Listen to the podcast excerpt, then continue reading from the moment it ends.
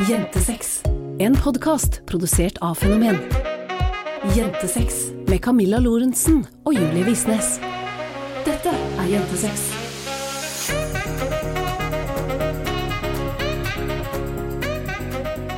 Happy New Year, Happy New Year. Du tror kanskje nå at du har kommet til eh, finalen i X-Faktor, men nei. Dette er podkasten Jentesex med meg, Camilla Lorentzen. Og meg, Julie Visnes, og velkommen til livet mitt, det er alt jeg har å si for denne dama her. Tror at hun er noe, og det er forferdelig. Slitsomt. Det er også litt deilig. Hvorfor det? Fordi du kan på en måte Jeg vet ikke, jeg. Tro at jeg dater finalisten i X-Faktor? Ja. Det hadde jo vært noe, det. ikke bare søstera til finalisten, men også daten til. Hvem er Nei, det søsteren var, min? det var Norske Talenter, det, kanskje. Broren din, altså. Oh, ja! Ja, du vet han har vært med på, jeg vet ikke om ja, du vet ja, det. han var i finalen, han. Det stemmer, det. Ja. det hadde jeg glemt. Ja. Unnskyld, Joakim. Det, jeg Så- håper for guds skyld du ikke hører på det her uansett, men eh, jeg beklager hvis du gjør det. I denne podkasten så snakker vi jo om sex, seksualitet, samliv og selvfølelse oss jenter imellom. Men før vi kicker i gang med dagens tema, som er one night stands, så eh, må jeg bare spørre deg om du har noen nyttårsforsetter for 2021, Julie. Ja. Ja. Altså, vi har jo egentlig to nyttårsforsetter sammen-ish, som er litt sånn date night once a week, no more phone after 8 pm.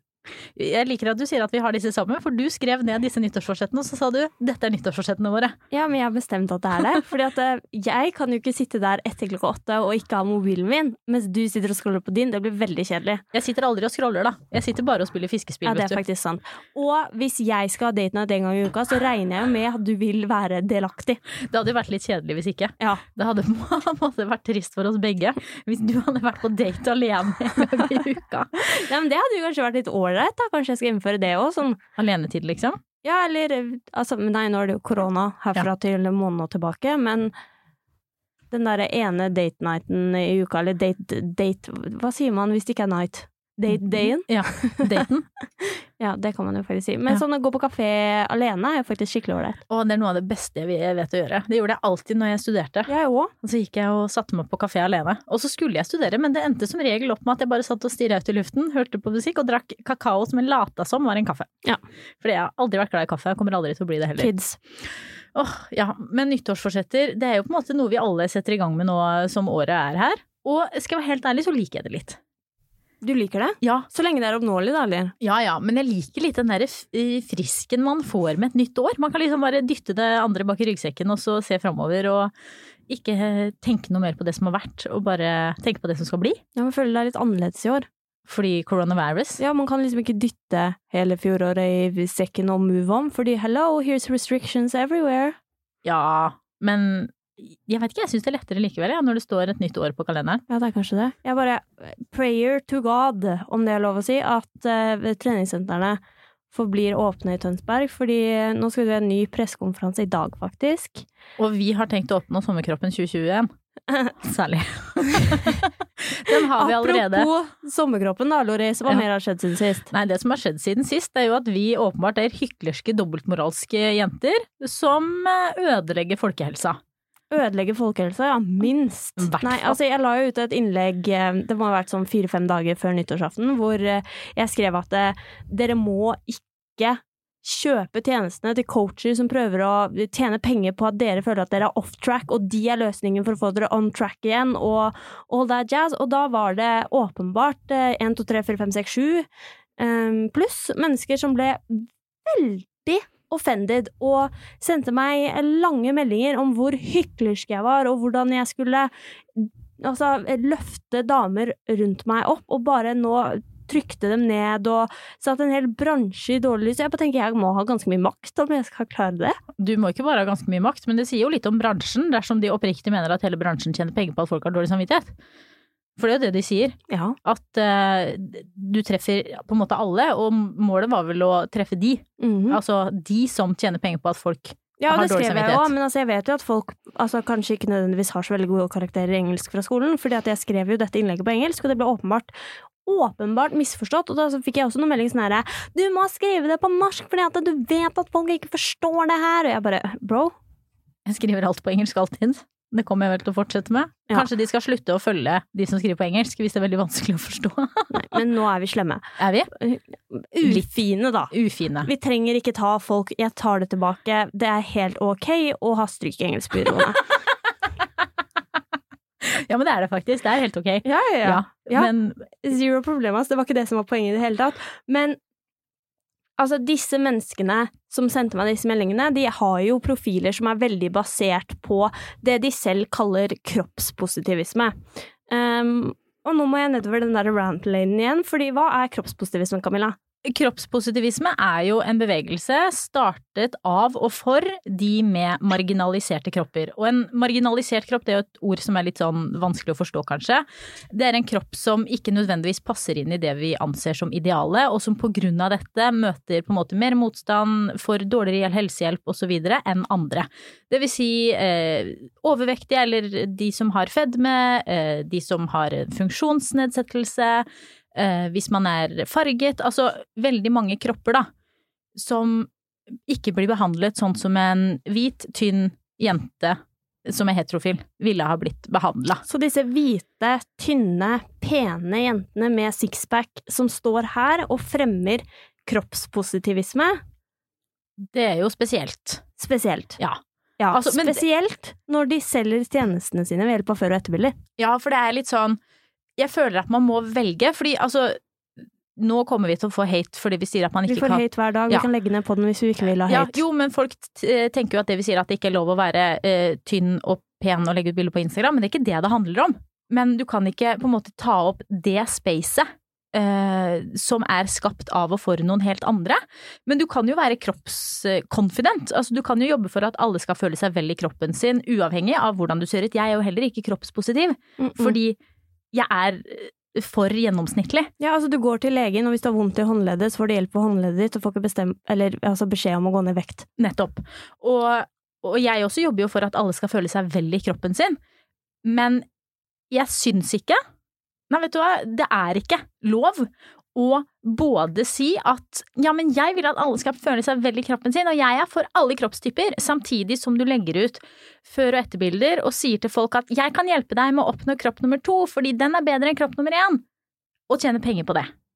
For det uavhengig av hva du skriver i captionen din, så er det noe med det at når du legger ut bilder som viser at se på denne jenta, hun har hatt en vektnedgang, jeg har hjulpet henne, nå har hun det så mye bedre, så sier du også med en gang at det er bedre å være slankere, da vil du få det bedre, og jeg kan hjelpe deg å komme dit. Ja, så tynn er lik lykkelig. Ja, Og, og, sånn det, er det jo ikke. og sånn er det absolutt ikke, og det er noe med at jeg føler at man som coach eller PT eller whatever man driver med, så må man velge. Du får ikke lov å både tjene penger på å gi folk dårlig samvittighet for at de er for tjukke, samtidig som du tar på deg en sånn badge of honor hvor du proklamerer at du liksom er for at alle skal kunne føle seg vel i den kroppen de har, uansett hvordan de ser ut. Nei, det er akkurat det. Og liksom du sa i stad også, så sa du det der med at det, Altså ikke i poden, altså, men vi snakka, snakka før podinnspillingen i stad om at det er helt ok å være eh, en coach som jobber for vektnedgang, men da må du være den coachen. Ja, du får ikke lov å være begge deler. Det blir eh, litt som at du skal være eh, nazist og samtidig ville at alle rundt deg skal behandle deg som at du ser på alle mennesker som like mye verdt. Det, Ja, altså, går, det ikke går an. ikke. Det går ikke an. Altså, nå sammenligner jeg ikke disse jentene med, eller guttene med nazister, altså det er ikke det jeg prøver på, men det får fram poenget. Du må på en måte stå i det du driver med, og du må stå i det du velger å tjene penger på. Det blir litt som meg og deg. Eh, Jeg kunne ikke ha gjort det jeg gjør på Instagram, og samtidig hatt samarbeid med Lifesum eller eh, Bodylab eller noen av disse som vil at folk skal gå ned i vekt. Det går ikke. Jeg kan ikke sitte og eh, få folk til å stole på meg fordi jeg sier at jeg vil at alle skal føle seg vel i kroppen sin, og samtidig tjene penger på å selge tjenester som får folk til å føle seg ræva. Det går ikke an, og det er ikke lov, og jeg syns ikke det er ok. Og jeg syns heller ikke det er ok, det var en annen coach som la ut et innlegg om hvordan eh, treningsbransjen trengte et eh, løft og en omveltning, og et av punktene han nevnte var at eh, jenter som står på Instagram og danser i undertøy og sier at du er bra nok, de ljuger. It's so sexist. Altså, ikke, altså det er ikke bare sexist, altså, men it's so Ja, sexist. for det første så sitter det da en mann der og er sånn jenter, dere kan ikke gjøre dette, det vet jeg, for jeg vet så mye bedre enn dere, for jeg er en jævla pikk. Og for det andre så er det noe med at man eh, tar på seg en sånn allvitende rolle om at jeg vet hva som er best for folkehelsa. i tillegg så Altså, man fjerner jo Og jeg blir så irritert og lei meg av alt, for man fjerner jo hele det mentale aspektet av folkehelse, fordi at det Altså, det er greit Altså, du kan være tynn, så, tynn og trent og alt det der som tilhører den her idealkroppen, men å ha tidenes depresjon og ende opp med å ligge i senga i Altså, det er så Helse er mye mer enn hvor mye du veier, hvor mye du trener og hvor mye du spiser. Og du trenger faktisk folk som jobber for begge deler. Og når du sitter eller står eller danser naken, holdt jeg på å si, på Instagram, så er det ikke Altså, målsettingen din er ikke å gjøre at folk går ned i vekt. Altså, helsa starter jo med, eller et ønske om å ta tak i helsa si, starter jo også med at man føler seg bra nok som man er. Fordi hvis man hele tiden går rundt i en sånn negativ sankespiral hvor det er sånn fy faen, jeg kan ikke gå ut av huset, jeg kan ikke gjøre det her, jeg kan ikke gjøre det her, jeg kan ikke ha på meg det her, jeg kan ikke ha på meg det her, jeg kan ikke ha det bra, fordi eh, man ser på seg selv som feil, eller passer ikke inn i samfunnets idealkropp, eller whatever, så så kommer man aldri til å gå på gymmen heller. Og sånn som denne coachen på en måte legger det fram at det er viktig at vi begynner å ta tak i folkehelsa. Ja, men vi må da for faen starte med det mentale, eller? Ja, eller i hvert fall inkludere Ja. det mentale.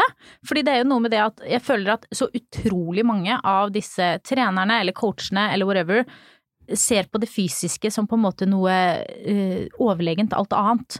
At det første vi må gjøre er å gå ned i vekt, det første vi må gjøre er å begynne å trene, og så kan det der mentale greiene som gjør at du føler deg ræva, er redd for alt du driver med, overtenker og ikke orker å stå på senga, det kan vi ta seinere. Det er liksom men, Eller eh, enda bedre, det kommer av seg sjøl bare du går ned i vekt. Bare du går ned i vekt, så vil du slutte å ha angst og slutte å være deprimert og slutte å ha OCD, og, men det er jo ikke sånn det fungerer. Så jeg syns det er viktig at man jobber på eller at man har muligheten da, til å oppsøke plattformer som gjør at man kan på en måte bli inspirert på flere plan. Så kan man følge en eller annen coach eller treningsprofil eller whatever hvis man vil ha inspirasjon til å trene, og så kan man følge meg hvis man vil ha inspirasjon til å eh, anerkjenne seg sjøl som et fullt, helt og verdig menneske, akkurat sånn som man er. Ja, så tror jeg det er viktig at man på en måte klarer å, å sette det skillet da, mellom hvordan man ser ut og, og hvor sunn man er, da. Sånn, jeg la ut et innlegg også som på en måte viste oss to som eksempel, og du er jo veldig mye, eller i hvert fall det siste året, da, vært veldig mye sunnere enn meg. Jeg trente jo en del og spiste helt ålreit før, men altså det siste året har jeg jo gått ned for det første masse i vekt og eh, spist dritmat og ikke orka å trene. Og altså, jeg har faen mangler på alle vitaminer. Nå ble det mye banning her, sorry. Eh, masse vitaminmangler og ikke noe overskudd og Og jeg bare sånn at vi skal, jeg skal på en måte få komplimenter da, på internett for at jeg har gått ned i vekt, og jeg ser sånn her ut, og jeg ser så sunn ut nå, I'm glowing and all that jazz, når jeg har det helt jævlig på innsiden. I just think it's Og samtidig så skal jeg få pepper. Ja, du står der og liksom uh, får uh, kommentarer om hvordan du gir folk diabetes, Når jeg egentlig bare har det veldig fint. right? Ja. ja, det er helt sånn De derre sammenligningene vi setter mellom hvordan man ser ut og hvor bra man har det og hvor man sunn man er, de er på en måte helt off. Fordi det er ikke sånn at du kan se på noen hvordan de har det, hvor sunne de er, hva de mangler, hva de trenger. Eller hvordan de har det, da. Nei. Og vi må slutte med det. Ja. Ja. Vi må Ja. slutte med det, det kan være nyttårsforsettet. Det var nyttårsforsettet vårt eh, til deg, som tre ikke har noen enda, men trenger et. Bare slutt. Jentesex. Så er det kanskje på tide å kicke i gang eh, årets første tema. Yes. Yes, som jo er one night stands. One night stands, altså, det har ikke blitt så mye av det i fjor, tipper jeg. Håper jeg. Mest sannsynlig. Jeg hadde dritmange, ja. Har jeg ikke fortalt deg om det? Og det har jeg glemt. Når hadde du masse one night stands i fjor? Nei, det var i Du hadde mai. jo én måned mellom hvert forhold. Tusen takk for det. Det setter jeg stor pris på. Jeg vil bare påpeke at jeg hadde tre. Ja, rekker dette var en spøk, ja, altså. ja, men det skjønner ikke folk. Eh, fordi det er veldig vanskelig å skjønne sarkasme over lyd. Men eh, tre måneder, 90 dager, man rekker mye på den tiden, Visnes. Veldig mye, hvis man er effektiv. Så jeg burde sjekke meg for kjønnssykdommer, er det det du sier? Definitivt. Veldig mange. Yikes. Yikes. Nei da, jeg har ikke det. Eh, Det er faktisk en stund siden jeg har hatt det. Men har du hatt mange i løpet av livet? I løpet av livet? Nei, altså jeg har hatt noen, men jeg har ikke hatt uh, noe sånn ekstremt mange. Altså jeg har jo som deg vært i, i forhold en stund. Jeg hadde vel et gap på ett og et halvt år før jeg ble sammen med deg. Ja, det er samme som jeg hadde mellom mine to første. Ja. Mm. Um, og da ble det ikke så gæli mye da heller, fordi at jeg hadde jo Men da hadde jeg mer sånne datingperioder, typ, hvor jeg hadde liksom én gutt i tre måneder, og så en ny gutt i tre måneder, og så en ny gutt i tre måneder, uten å forstå at det ikke var fyrene, men kjønnet som var feil. Um, men nei, jeg har ikke hatt noe sånn spesielt mange, har du? Um, nei. Det, Jeg så det blikket. ja, det er løgn. Jeg har hatt veldig mange, faktisk. Det, jeg veit ikke helt hva som skjedde, men jeg slo jo opp med min første kjæreste da jeg var sånn 21 eller noe. Og eh, da hadde jeg på en måte vært sammen med han i fem og et halvt år eller noe sånt. Han var den eneste jeg hadde ligget med, han var den eneste jeg hadde gjort noen ting med. Så jeg bestemte meg da for å explore the world. Og i tillegg så hadde jeg veldig lav selvfølelse og veldig lav selvtillit, så jeg tror jeg prøvde på en måte å ligge meg til litt bedre selvfølelse. Jeg prøvde å finne litt eh, bekreftelse i det at eh, guys ville ha meg på byen. Det funka dårlig, det kan jeg si. Det anbefales ikke. Men har du hatt noen som har vært gode? Um, Heter det det? Gode one night stands? ja, altså vi kan jo si hva one night stand er først, da, i tilfelle noen ikke vet det. Ja, men hva er one night stand? Er det at du ligger med én person én gang, uavhengig av tid på døgnet, eller er det sånn at hvis du ligger med én person én gang på kvelden, beruset, så er det et one night stand, og ellers er det et one day stand, eller så er det bare et one stand? Jeg, jeg føler litt at det er den settingen som avgjør hva det er. Fordi jeg føler ikke at det er et one night stand. Si at du har data noen i en periode, og så bestemmer dere dere for å ligge sammen, og så blir det ikke noe mer, så føler jeg ikke at det er et one night stand. Fordi det er på en måte en relasjon der. Men eh, kanskje det er når sex begyn- nei, relasjonen begynner med sex, at det på en måte er det første som skjer. Så føler jeg at det er et one night stand, uavhengig av om man kanskje ligger sammen to, tre, fire ganger til. Så ville jeg kanskje dytta det i den one night stand-boksen. Ja, nå skal jeg google her. Hva et one night stand er for noe. Tilfeldig sex, også kalt one night stand eller ennattsforhold, er seksuell samkvem, eksempel samleie, mellom to mennesker som ikke er basert på kjærlighet, og der det som oftest ikke foreligger noen intensjoner om å starte et varig forhold. Ja, det vil jeg si at jeg var ganske god. Ja. ja. Ja, så det har på en måte blitt en del av det, men om noen av de har vært gode, eh, så må jeg få lov til å si at det kan jeg i hvert fall ikke huske. Med det sagt, så har jeg ofte vært bedugget eh, når disse one night standene har funnet sted. Ja, and me both. Jeg husker en gang vi var i Brasil, liksom. Jeg var der med søsteren min. Vi var og backpacka rundt i Brasil en måned. Åh, I wish jeg kunne gjøre det nå. Um, og siste kvelden så var vi ute på en sånn funk-sted i eh, Rio de Janeiro med Alessandro og en land til som jeg ikke husker hva heter. I hvert fall så var vi der, og funk er en ganske sånn dirty, dirty måte å både danse og synge på. Altså det er sånn rumpa opp i trynet-type dansing. Twerking er ingenting i forhold, liksom. Og så ble jeg med han hjem, og jeg husker ingenting. Før jeg våkna opp dagen etterpå, det var tre timer til flyet vi skulle gå, og det lå kondomer i hele leiligheten. Jeg bare ja, dette var jo hyggelig. Dette var sikkert gøy. Så mange av mine sånn one night stand-things er jo litt sånn. Jeg husker liksom ikke helt hvordan det var. Nei, men jeg også har litt sånn, og så har jeg ikke Det er noen av de som jeg er sånn Jeg husker at jeg ligger der og ser noen inn i øya, og så husker jeg at jeg går derfra. Og så vet jeg at det, vi er naken og har vært naken og alt det der, fordi at det gjør vondt i tissen min. Og så skjønner jeg liksom ikke helt hva som har skjedd. Og så sitter jeg der med et sånn minne av smerte. Smert. Du, det her kan tolkes som noe helt annet. Ja, men det er ikke Det gjør bare vondt i tissen, ok? Jeg er ikke Ja. noen fan av å ha peniser der. Nei. Men ja. Altså, nei, men når du har hatt fyllasex, så gjør det jo litt vondt i tissen etterpå, gjør det ikke det da? Jo, men det kan det gjøre hvis du har vanlig sex òg. Det kommer jo an på hvor røft det er. Ja. Ja. Ja, men uansett da, så husker jeg liksom ingenting av selve greia. Jeg husker bare at jeg, jeg sår i tissen etterpå og har sett noen inn i øynene mens jeg ligger der. Ja, jeg husker drev holdt på med en i Tønsberg en gang, hvor jeg ble med han hjem.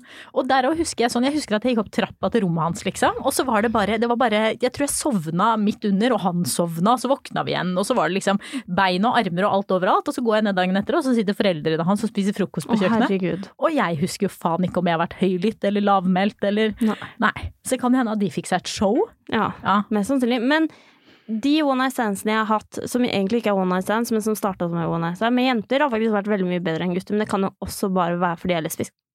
Fordi du da faktisk var kåt. Kanskje. ja, det kan jo ha noe å si. Men jeg tror at sex for meg og jeg tror vi har snakka om det en gang før også, er litt sånn følelsesbasert. Og ikke nødvendigvis forelskelse eller at det må være kjærlighet, men det må være en følelse av trygghet. Og jeg tror ikke jeg har møtt noen som jeg har hatt et one night stand med som jeg har følt meg sånn ordentlig trygg på.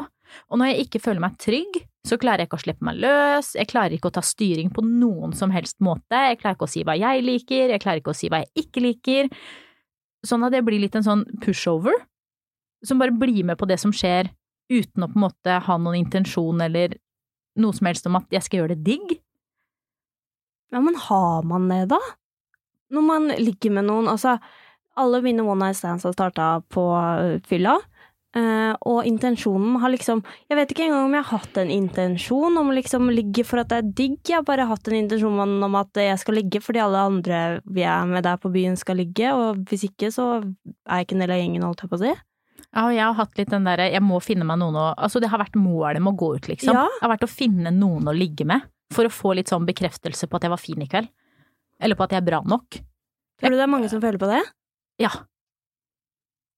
At, det, at det er drivkraften, liksom? ja, den der å ønske å bli sett. Ja, det tror jeg absolutt. For det er noe med at altså, når noen vil ha deg, uavhengig av om Altså uavhengig av hvem, nesten, så er det jo noe med at man får liksom bekrefta at man er attråverdig og pen og digg, og at man passer inn, og at man har en verdi, da. Fordi jeg tror jo, eller jeg gjorde i hvert fall det, og jeg tror mange jenter gjør det også, setter på en måte verdien sin ut ifra hvor attraktive andre synes at den er. Male gaze. Male gaze. Og med en gang man på en måte får med seg noen hjem, eller blir med noen hjem, så er det jo liksom en sånn check. Da kan man tikke av i den boksen for at jeg var digg i kveld, og med en gang man er digg, så var man verdifull. Og da har det vært vellykka, liksom. Men hvordan har du følt deg når du har gått derfra, da? Har du følt deg diggere? Nei, som regel så har jeg jo tenkt at Altså, det er ikke tull engang. Jeg tror hvert eneste one night stand så har jeg tenkt at dette skal bli kjæresten min. Nei. Jo, jo, jo, jo. Men altså, jeg, jeg tror jeg bare var på et sånt sted hvor hvor jeg ikke i det hele tatt var nok for meg sjøl. Sånn at jeg på en måte følte et sånt intenst behov for at noen andre skulle synes at jeg var nok. Og hvis noen andre syntes at jeg var nok, så kanskje jeg på en måte hadde en eller annen form for verdi. Eh, Sånn at jeg tror at jeg var en veldig sånn klingi, kling, klingy one night stand person. Som var en sånn Kan jeg få nummeret ditt? Vil du ha nummeret mitt? Skal vi strekke Som blir til frokost one night stand-type girl, Ja, liksom? skikkelig. Den som du har lyst til å kaste ut, men som ikke går. Og som legger igjen eh, Nei da. Men ja, sånn skikkelig klingy. Um, fordi det var jo ikke casual sex som var målet, men bekreftelse. Skjønner du hva jeg mener? Jeg skjønner, jeg skjønner hva du mener. Jeg Du bare kjenner deg ikke igjen? Nei, jeg kjenner meg ikke igjen, men, men jeg skjønner godt hva du mener, og jeg tror også at det Altså, jeg kan kjenne det igjen i samtaler jeg har hatt med venninner, um, så jeg tror nok du har veldig rett i at det er mange som som kan føle på den derre Altså jaget etter bekreftelse, da, og så kan man jage bekreftelse på veldig, veldig ulike måter. Sånn, jeg tror mitt jag eh, på bekreftelse har vært mye mer sånn prestasjonsorientert, at det ikke har vært sånn jeg har ikke nødvendigvis uh, higa etter den der bekreftelsen fra andre mennesker når det kommer til meg som person, men heller prestasjonene mine sånn ikke sexually, men eh, altså på skolen eller på jobb, eller, eller alle de, de formene for meritter, da, um, som man opparbeider seg som prestasjonsbasert, liksom. Um, men vi jager jo alle etter bekreftelse på en eller annen måte, så sex er jo en veldig fin måte å gjøre det på, sånn egentlig, men fører jo til at man kanskje ikke føler seg så mye bedre likevel. Ja, og så førte det jo til at jeg ga faen i Altså, den personen jeg møtte, det kunne vært hvem som helst, liksom. Jeg ville ikke finne ut av om han passa for meg, jeg ville ikke finne ut av hvem han var, jeg ville bare at noen skulle se meg og være med meg, og eh, om du hadde vært en massemorder og sagt at du ville vært kjæresten min, så hadde jeg sikkert sagt ja. Jeg er klar, ikke noe problem. Og det er jo ikke så veldig bra, men tro, tror du one night stand kan være bra? Altså, sånn som du legger det fram, så begynner jeg å tenke litt sånn Kanskje one night stands da er bedre hvis man føler seg sikrere på seg selv, sånn at hvis du hadde vært singel nå og gått ut og hatt one night stand, så hadde det kanskje vært bedre fordi du hadde vært mer sikker på deg selv og hvem du er og hva du liker og hva du vil og, og alt det der, men at med en gang man, man har vanskeligheter for å uttrykke hva man faktisk vil ha ut av sexen, og hvordan man liker det, og hardere eller saktere eller softere eller all that jazz, så, så kan det bli bra. Altså, I don't know. Ja, Skjønner, men jeg- skjønner du hva jeg tenker? Absolutt, og jeg tror jo faktisk at hvis jeg hadde blitt singel nå, og skulle hatt en sånn one night stand-runde, så hadde jeg i mye større grad klart å både gå etter de menneskene som jeg faktisk hadde hatt lyst til å ligge med, og finne ut om det var en connection der først, og ikke bare gå rett på klining og klåing og dra hjem. Og så ville jeg kanskje klart å, når sexen var et faktum, da, og på en måte veilede og si hva jeg ville, og si nei til ting jeg ikke ville som kunne gjort at det ble ok. Men det er jo dritvanskelig når man ser på seg sjøl som det mest verdiløse mennesket på jorda. Men tror du det fører mye skam med one night stands når man sliter med selvfølelse spesielt, eller uansett? Um, jeg tror kanskje det blir skam på litt forskjellige måter. Ja. Uh, bare for å generalisere, da, siden det er favorittingen min å gjøre, så tror jeg at Det var sarkasme. Ja, det var det. Um, at uh, det er lettere å på en måte få en sånn selvpåført type skam hvis man har lav selvfølelse eller ikke liker seg sjøl for den man er, fordi selv om sexen gir deg bekreftelse, så får du på en måte også et avslag i etterkant. Fordi casual sex for de aller fleste er jo casual sex. Man vil ikke at det skal bli noe mer. Mens jeg da gikk jo inn i det med en tanke om at dette skulle gi meg bekreftelse i lang tid. Og så fikk jeg på en måte bekreftelse der og da, og så blir man jo kasta ut etterpå. Og da blir jo avslaget enda større. Sånn at det på en måte blir enda mer nedadgående, hvis det gir mening. Ja, det gir mening. Tror du det er ulikt fra liksom Hvordan skal man si det uten å være øh, kjønnsgeneraliserende, da? Om det er ulikt for jenter og gutter? Ja. Nei, jeg tror egentlig ikke det. Hvis man har et ønske om å få bekreftelse, så tenker jeg at det er det samme, men altså Den personlige skammen man føler på, er kanskje uavhengig av kjønn, mens den skammen som samfunnet legger på oss, er avhengig av kjønn. Fordi jenter blir ofte shama hvis de ligger med mange.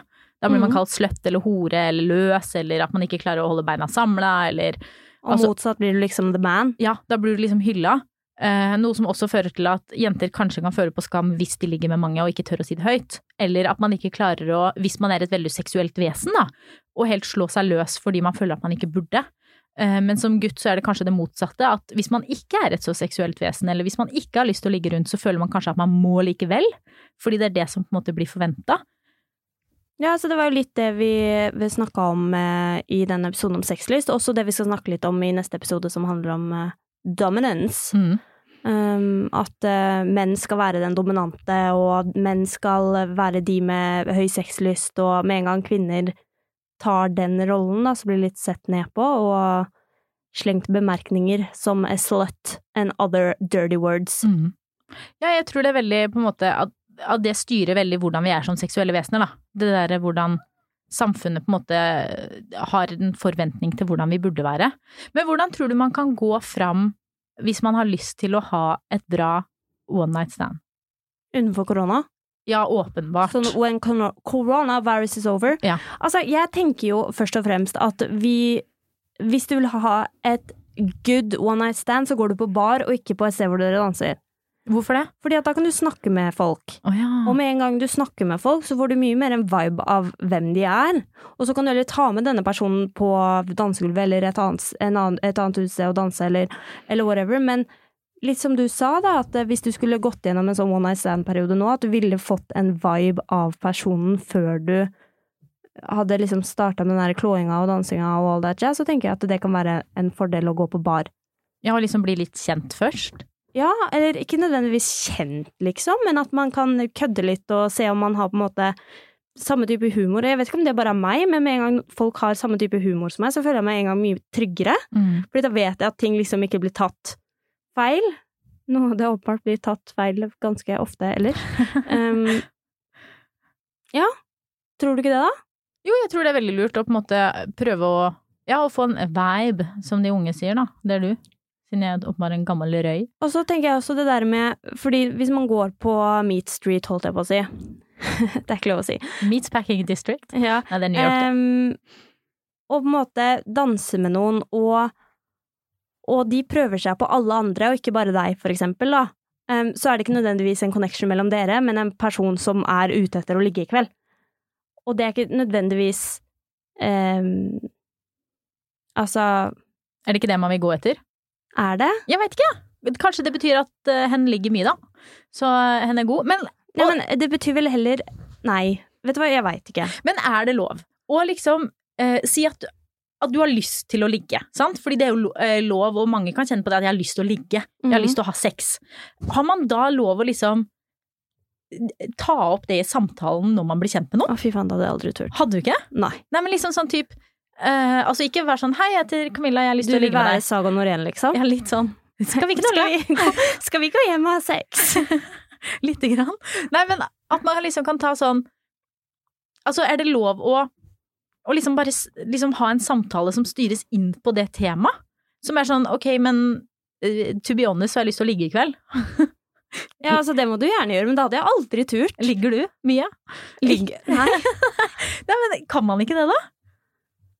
Er ikke det greit? Jo, selvfølgelig er det greit. All hail hvis du vil gjøre det, men jeg, altså Wow! You got tits if you do that. Ja. Jeg har bytta balls med tits, by the way. Ja, det er sånn greit. Det er greit. Jeg tror jeg hadde gjort det. Seriøst? Ja. Men da hadde jeg også tatt på meg en sånn Camilla, vet du hva du har sagt til meg så mange år? At du suger på å flørte, at du ikke tør å gå bort Dette til er jo ikke flørting. Nei, og så med en gang det er så direkte, så er det ikke flaut lenger. Nei. Nei, da er, det, da, er det, da er det noe helt annet. Nei, nei, nei. Flørting er å, er å tørre å være sexy i seg sjøl. Det syns jeg er ekkelt. Jeg Ja, syns så vi er helt motsatt, vi da. ja, jeg syns det er ekkelt å være den derre liksom feel myself, eh, sende blikk, eh, se ned, se opp i øya, slikke seg rundt munnen, eh, drikke sexy fra sugerør. ja, ja, som du skjønner, så er flørting ikke min forte. Men, eh, men å være sånn direkte på ting er ikke så ille. Nei. Det hadde jeg klart mye bedre. Jeg hadde hatt mye større vanskeligheter å sitte med barn, sende lange blikk og drikke sexy av sugerøret mitt, enn jeg hadde hatt på å sette meg ved siden av noen og si 'skal vi gå hjem til meg og ha sex'? Seriøst? ja. Mye. Du er ikke sånn? Nei. Det kunne ikke falt meg inn. Nei. Det kunne ikke falt meg inn. Å, herregud. Å, jeg kjenner jeg blir sånn herre Flau på mine vegne? Klein, nei, flau på dine vegne. Jeg blir klein av å tenke på det. Jeg blir helt liksom sånn herre Imagine om jeg skulle gjort det da. Det, nei, da hadde jeg vært freidig. Ja, du hadde vært freidig. Åh, det hadde jo faen ikke gått an. Det går jo ikke an å gjøre det. Men hvorfor ikke? Nei, altså, selvfølgelig, hvis du føler det er greit, så gjør det, men imagine! Det hadde, det, Hvordan hadde du reagert hvis noen hadde gjort det mot deg, da? slappa dem rett i trynet. Hvis det hadde kommet en jente bort Se for deg det her. Det kommer en jente bort, en pen jente. Hun har eh, brunt hår, brune øyne, litt mage. Har på seg en litt deilig topp som gjør at du ser nipplene gjennom toppen. Heter hun Camilla Lorentzen nå, eller? Hun har i hvert fall stor rumpe. og så setter hun seg ned ved siden av bordet ditt, og så snakker dere litt, og så eh, kommer samtalen inn på om du liker å være dominerende eller submissiv i senga. Men det er jo stor forskjell på å ha en samtale om du er dominerende eller submissiv i senga, og si 'hei, skal vi gå hjem til meg og ha sex'? Ja, men det var, det, var jo, det var jo ikke det jeg hadde tenkt å si. Men at man liksom går inn på et samtaleemne rundt sex, sånn at man kan se om man matcher seksuelt. Fordi uavhengig av humor, eller uavhengig av om man på en måte er like personlighetswise, så kan det jo hende at du hooker opp med en mann i baren som liker at du slår han i ansiktet og kaller han Jesus. ja, men du kan jo det! Du vet jo ikke. Det kan, altså, du har jo ingen forutsetninger for å avgjøre hvordan en person er seksuelt ut ifra humor, utseende og danseskills. Nei, men jeg vet bare at jeg som person føler Altså, jeg gir da blanke faen i om den personen Nei, det er ikke lov å si. Jo, det kan uh, du si. Eh, poenget er at jeg skal føle meg trygg nok til å, å si fra hva jeg liker og hva jeg ikke liker når jeg er der. Eh, og det gjør jeg mye bedre hvis jeg har kødda med noen først, men det er jo helt forskjellig fra person til person. Ja. Jeg tror jeg hadde følt meg mye mer klein hvis jeg hadde hatt en, en sexsamtale med noen før jeg gikk med, hjem med de og skulle ligge med de. Det hadde vært sånn her, ok, men nå har jeg sagt at jeg liker det her og det her og det her, og hva betyr det for Altså, da hadde jeg vært så stressa enn hvis oh my god, I had a laugh with this person. Hvis det går til helvete, så kan vi le av det òg. Ja, det kan godt hende. Jeg bare kasta det ut som et alternativ, jeg, ja, altså. At det kanskje går an. Ja, det går jo an. Herregud, men det må man jo bare Man må jo bare gjøre det som føles bra for seg. Og det som føles eh, rett. Og herregud, Saga Norén, hvis du vil gå bort til en eh, dude på dansegulvet og si hei, vil du være med meg hjem og ha sex, så gjør det. Kanskje ikke akkurat nå. Det hadde vært litt dumt. Akkurat nå, nei! Dette er purely hypothetical. Ok? Ja, vil du si noe? Nei, Nei. absolutt ikke. Men Jeg så hadde blitt sinna. Ja, men det har du lov til. Det kalles cheating. Ja. Vi er ikke for det. Nei. Men si da at du, du får med deg noen hjem, og sexen er enten er den bra, eller så vil han at du skal slå han i ansiktet og kalle han Jesus. Og hvis det ikke er din jam, så er det jo kanskje ikke det beste. Men halleluja hvis det er din jam. Ja ja, kjøtta på. Bok- Bokstavelig talt, halleluja. Um, men når man er ferdig med å ha sex, hva er dealen da? Kaste dem ut. Kast dem rett ut? Ja, jeg tror aldri at det er one night stand hvor jeg ikke har kasta ut personen midt på natta. Ikke, jeg, skal ikke våkne i senga mi ved siden av en eller annen svett sjel som det lukter drit av munnen Nei. Det er meg, det. Her skal du få våkna med meg. Nei, det er rett ut. Ja. Ikke noe, ikke noe prat etterpå, ingenting. Nei. Jeg skal være så ærlig å si at hvis jeg hadde Altså, det mener jeg hvis jeg ligger med deg nå, liksom. Eller om det hadde vært en random, og jeg bare hadde blitt liksom Ja, takk for det. og Sidestiller du meg og en random? Nei, jeg sa bare uavhengig etter sex. Ok, Så, så flaks for deg. Flaks. Riktig svar. Så hvis jeg på en måte etter sex hadde Om du hadde snudd deg rundt og sagt natta, uten å si noe som helst mer, eller om denne personen jeg hadde ligget med random hadde sagt ja ja, tusen takk for i dag, da kan du pakke sakene dine og gå, eh, du kan trekke kølapp ved døra, så hadde jeg altså følt meg så brukt. Uavhengig av om målet mitt med sexen var casual eller eh, relationship Så bør man da ha en forventningsavklaring?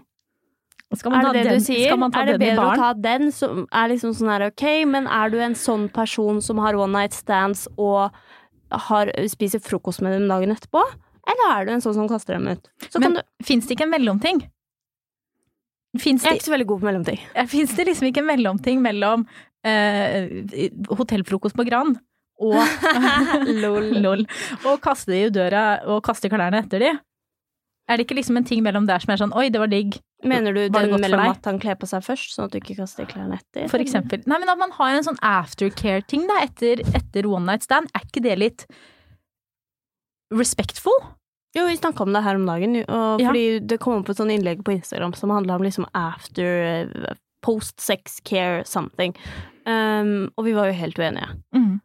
Eh, Men altså, for all del. Vil du ha en survey etterpå, så kjør nå faen på med en survey etterpå. Men altså, jeg, jeg veit ikke. Jeg, jeg føler det liksom er, er litt intimt. At det er liksom sånn her, ok, men hvis jeg ikke har en intensjon om å bli kjent med deg, og ikke har en intensjon om å bli vennen din, og jeg ikke har en intensjon om å ligge med deg noe mer, hvorfor skal jeg da bruke tid som jeg kan bruke på å sove, på å åpne meg til deg om ting du ikke har noe med? Ja, men det trenger jo ikke å være og Man trenger jo ikke ligge der og spill the deets om alt man har. Men det kan jo være sånn Var det digg? Ja. Ja, det syns jeg òg. Hyggelig. Men har man noen gang svaret ja etter å ha stand? Det kan godt hende at mange har det, hvis de går inn og først prater litt om sex i baren, eh, for så å reise hjem med en som er seksuelt og er trygg nok på seg selv til å sette grenser underveis. Så kan det godt hende at noen andre har en god opplevelse, og ikke sånn som meg, blir pult i rumpa i Arendal uten at de husker noe etterpå. Når ble du pult Nei, det i var Nei, det var lenge siden. Jeg var veldig full da òg. Det er mange år siden, det. Ja, uansett. eh, hva, hva, nå fikk jeg bare bilder av deg i hodet som ble pult i rumpa.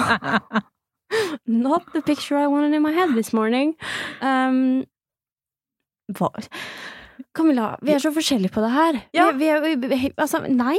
Jeg trenger ikke å spørre om det var digg. Jeg trenger heller ikke at denne personen spør meg om det var digg. Altså, nei. Jeg Nei. Men kan det være fint å innføre det som en ting fordi du ikke vet om den du har ligget med trenger det, da? Koster det så jævla mange kalorier? Hei, baby. Nei, Syns du det var ålreit? Du trenger jo ikke å, å ha den stemmen heller. Det kan jo bare være et hyggelig jævla spørsmål for at mennesker som meg ikke skal føle seg brukt etterpå. Da kan setningen være 'det var hyggelig', da. Ja, det kan det godt være. Ja, men så lenge vi ikke må ha en sånn survey. Nei, det trenger vi ikke. Jeg så, du- så jeg- kan man bare liksom uttale at man syns det var nice hvis man syns det var nice, og ljuge hvis man ikke syns det var nice. Ja. Ja. Er ikke det hyggelig? Jo, det er greit. Ja. Ja. Avslutt one night stand med dignity. Klem, og så gå. Ja, det er, kan det, man godt ha. er det et uh, fint eh, kompromiss? Ja, og kanskje også, spesielt uh, hvis du ligger med en som meg, så si nei, du får ikke nummeret mitt. Nei, jeg vil ikke ha nummeret ditt. Vi kommer ikke til å bli et par. Uh, men det var veldig hyggelig å ligge med deg. og kanskje vi ses på byen en gang i framtiden. Jo, men tror ikke, Er ikke det litt hyggelig òg, da? Å ikke gi noe, på en måte? Fordi hvis man skal ha aftercare som en sånn her routine alltid, bør man ikke da på en måte passe på litt sånn at man ikke gir inntrykk for at man vil mer enn man egentlig vil? Jo, det syns jeg du skylder den du har ligget med. Ja, gjør du ikke det, da? Jo, som faen. Så ikke vær Altså, ikke lat som at du vil noe mer hvis du ikke vil det. Nei. Fordi at den, den smella har jeg gått på mange ganger, og det er ikke så veldig ålreit. Nei. Har du vært en sånn som gir inntrykk, du? Av at det blir mer? Ja. Ja, jeg har jo også gjort det, men så har jeg ligget med det flere ganger, for jeg ikke har klart å si nei, så det har ikke vært så lurt heller. ja. ja, det har vært en dårlig deal. Mye dårlig sex kommer ut av det. Ja, men oppsummering, da. Oppsummering er ha one night stand hvis du vil. Uh, vær trygg nok på deg sjøl til å sette grenser, så blir det kanskje digg. Kanskje start på en bar. Kanskje start på en bar. Hvis du vil, så kan du godt si hei, vil du være med hjem til meg og ha sex? Og aftercare. Vær i hvert fall hyggelig nok til å si at det var digg, eller eh, ja, bare liksom ha en liten samtale, sånn at det liksom ikke bare spark ut av senga, eller snu deg rundt. Altså, Eller bare liksom gå ut av dansegulvet og ligge med noen på lekeplass og gå tilbake igjen. det går også an hvis man har lyst til det. Din hore. Men eh, ja. Og ikke gi forventninger om at det skal bli noe mer enn det blir. Prima. Prima. Du hører Jentesex. Og med det så går vi over til eh, ukens spørsmål. Hvis du har noen spørsmål om one night stand, så kan du jo sende det til oss på Instagram. Vi har eh, podkast eh, Insta nå som heter Visnes og Loris. Hvorfor? Det kan vi snakke om i neste episode. Ja. Da, ja, det kan dere få i neste episode, hvorfor den heter det. Eller så kan dere jo sende det til Camilla Lor eller Julie E. Visnes. Yes. Er du klar med spørsmål, Visnes? Weisnis? Yes. All right. Ina har sendt inn en, eh, et litt langt spørsmål. Og jeg skulle egentlig lese det opp i forrige episode, men jeg glemte det. Oi. Og jeg har faktisk gleda meg skikkelig til spørsmålet her, fordi it's a good question. ok? Er du klar? Jeg er klar. Um, hører på podkasten til deg og Camilla, og jeg kan skikkelig relatere til første episoden der du var skikkelig forelska i Camilla, og hun ikke følte det gjensidig. Jeg sitter litt i samme posisjon nå med min bestevenninne og lurer på om du har noen råd til en skikkelig forvirret nordlending. Hun sender skikkelig mixed signals, og jeg skjønner ikke helt hva hun vil med vil og mener med det. Hun snakker ofte om andre gutter som hun syns er deilige, og andre som hun vil dra på date med. Vi gjør flere ting som ikke er normalt for bare bestevenner å gjøre. Vi har hatt sex opptil flere ganger, er skikkelig nære og tilbringer veldig mye tid sammen. Nå sitter jeg der og er betatt forelsket i henne, mens hun babler om andre gutter. Ordene hun sier og handlingene hun gjør er det ingen samsvar på, og nå har jeg lyst til å fortelle henne at jeg er betatt, og at jeg ikke har lyst til å høre på hvem hun eventuelt vil date eller ligge med. Det jeg er redd for, er at hun kommer til å trekke seg unna meg, og at vi mest sannsynlig ikke vil være like nære som før, noe som ville vært det verste scenarioet. Håper du har tid til å svare på denne. Hilsen frustrert jente 22. Åh, Ina. Fine Ina. Jeg kan bare si med en gang at eh, Jeg holdt på å si jeg har ingen råd å komme med. Jo, men det har jeg jo. For vi har jo vært i akkurat samme situasjon. Ja. Det var jo helt likt som oss. Ja. Um, og som den personen som sender mixed signals, så lurer jeg litt på om Ina har vært for det første tydelig på legningen sin, for det vet jeg jo ikke. Har hun skrevet noe om det senere? Nei. Ehm, og så Altså, jeg kan bare personlig si da at jeg tror det hadde vært så sykt mye lettere for meg å være ærlig med meg selv om hva jeg følte. Fordi problemet mitt var ikke at jeg ikke var ærlig med deg, men det var at jeg ikke var ærlig med meg. Ehm, hvis jeg hadde visst tidligere at du var lesbisk. Mm. Gir det mening? Ja, det gir masse mening. Og så Greia er jo sånn Hvis jeg skal sette meg i Ina sin uh, posisjon her, da, um, så turte jo ikke jeg å si eh, at jeg var lesbisk, fordi jeg trodde at med en gang jeg sa at jeg var lesbisk, så kom det til å stå 'jeg er forelska i deg' i panna mi. Og at det var akkurat det samme å snakke om legningen min som å snakke om følelsene mine for deg. Og da lurer jeg egentlig på, da, hvordan hadde du tatt det hvis jeg hadde sagt at jeg var lesbisk? Hadde du da forstått med en gang at jeg var forelska i deg? Mest sannsynlig ikke. Nei, men du er jo dum. Ja, jeg er et brød av og til.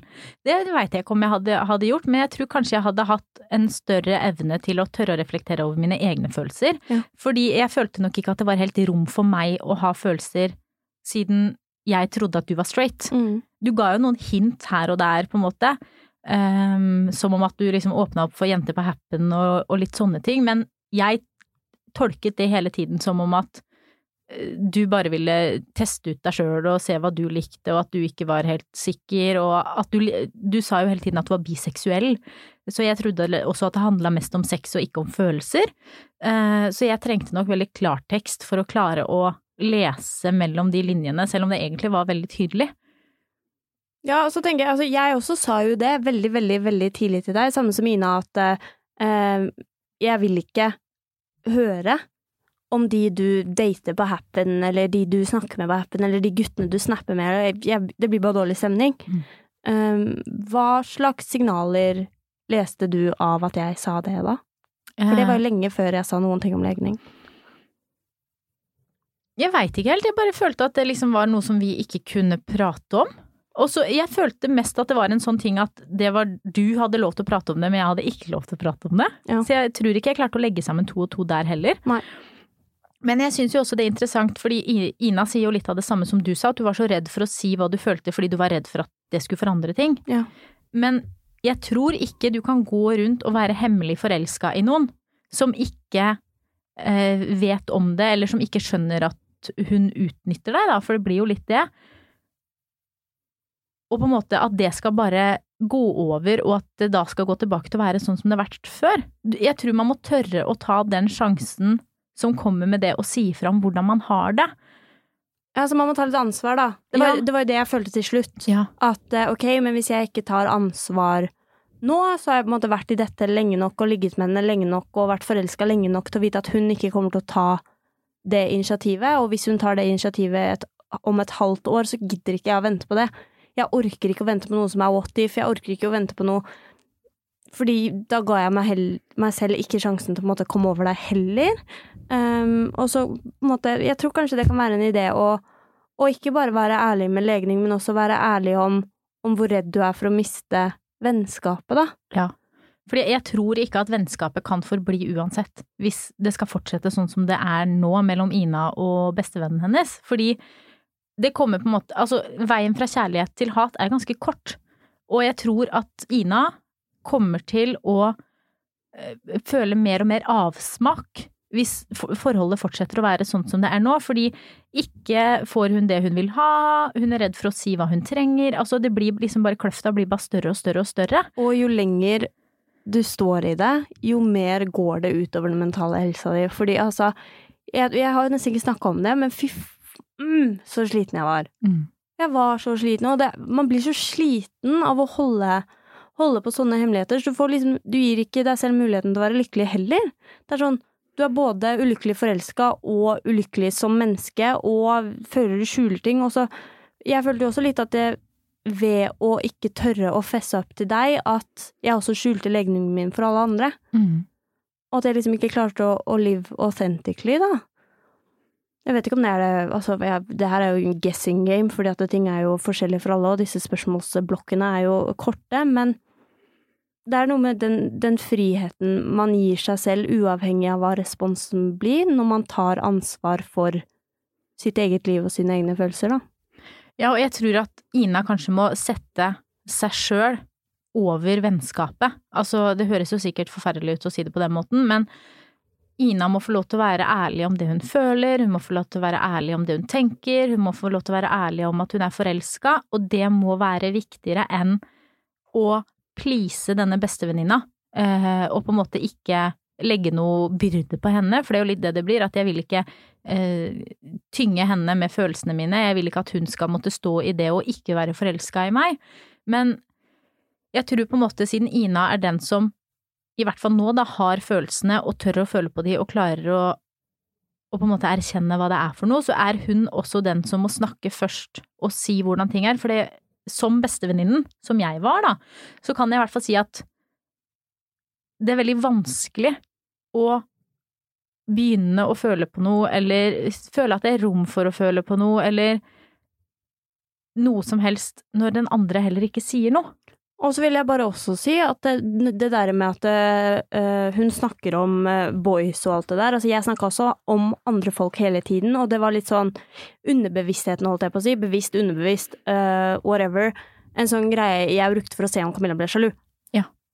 Jeg bare, okay, men for å Teste. teste om liksom det var følelser der, så er det på en måte ting man, eller jeg da, dro opp for å se, ok, men få en reaksjon på det. Fordi da, kanskje hvis jeg fikk en reaksjon på det, så kunne jeg tørre å si ifra, eller, eller sånne ting. Så på en måte ikke Når man er i en sånn situasjon, så er det veldig vanskelig å lese handlinger og ord som faktiske handlinger og ord, fordi at det, når du ikke vet hva hun sitter og føler på andre siden, så vet du heller ikke hvor de handlingene og ordene kommer fra. Nei, du kan på en måte ikke lese tankene hennes. Nei. Og jeg tror du skylder deg sjøl, Ina, å være ærlig med bestevenninnen din. Og ja, det kan godt hende at det betyr at du mister henne som bestevenninne, men jeg tror allikevel at du kommer til å få det bedre med deg sjøl hvis du klarer å si hvordan ting er. Og det kan jo også hende at det er det motsatte som skjer. Men jeg tror at hvis vi hadde holdt det gående veldig mye lenger sånn som vi gjorde, så hadde vi aldri endt opp sammen. Fordi da hadde det å starte et forhold vært så vanvittig vanskelig, fordi det allerede hadde vært så mye galle under. Og det var allerede vanskelig da vi starta.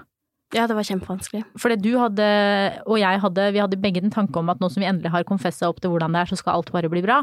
Men tingen er jo at alle de månedene hvor man har gått og følt på ting på hver sin kant, må også gjennom, Jobbes gjennom, ja. ja, gjennomarbeides. Og jo lengre tid det går, og jo mer man undertrykker det man sitter og føler på, jo lengre tid tar det også å jobbe seg gjennom det, og jo mer vil det sive over, da, i Mm. forholdet dere eventuelt starter. Mm.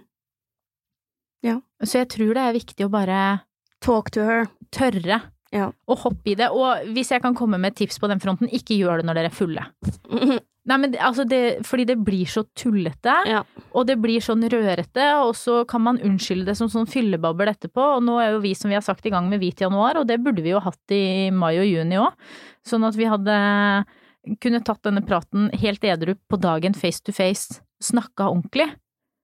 Fordi dette er en samtale du har lyst til å ha hvor du virkelig kan få si hva du føler og hva du tenker og hva du trenger, og også gi bestevennen din muligheten til å gjøre det samme, da. Enig. Så ja. Vårt råd til deg, Ina, det var det rådet du ikke ville ha, men som du visste at du kom til å få, og det var sett deg ned, snakk med henne, og hvis du føler at det blir litt for mye, så kan du jo kanskje skrive det ned og sende det på en melding, Mm. Uh, og den kan du jo sende mens dere sitter i sofaen sammen nå, hvis du vil. Det var et godt råd. All right. Skal vi move along, da? Yes. Right. Det neste spørsmålet kommer fra eh, Mari, selvfølgelig, fordi det var det eneste navnet jeg kom på akkurat nå. Um, all right. Da jeg var singel, koste jeg meg og endte opp med en god del one night stands. Back then syntes jeg det var befriende og følte at jeg eide livet og skammet meg ikke i det hele tatt over å ha hatt flere partnere.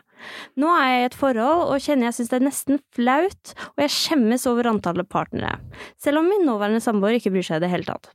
Har du noen gode råd til hvordan jeg kan bli kvitt denne skammen og gå tilbake til å eie min fortid, selv om jeg lever et helt annet og lykkelig liv nå? Tusen takk på forhånd om dere kommer på noen gode tips til meg. Åh, dette elsker jeg. Fordi det var jo akkurat sånn som jeg var. Altså, jeg har jo hatt min gode, gode omgang med sexpartnerne, for å si det på den måten. Og liksom da det sto på, så var jeg sånn yes! Eh, samtidig som jeg jo ville ha kjæreste overalt i verden, for jeg ville at noen skulle se meg, så det var litt ambivalent akkurat der. Men da jeg gikk inn i et forhold, så turte jeg ikke å si hvor mange jeg hadde ligget med. Jeg syntes det var dritskummelt.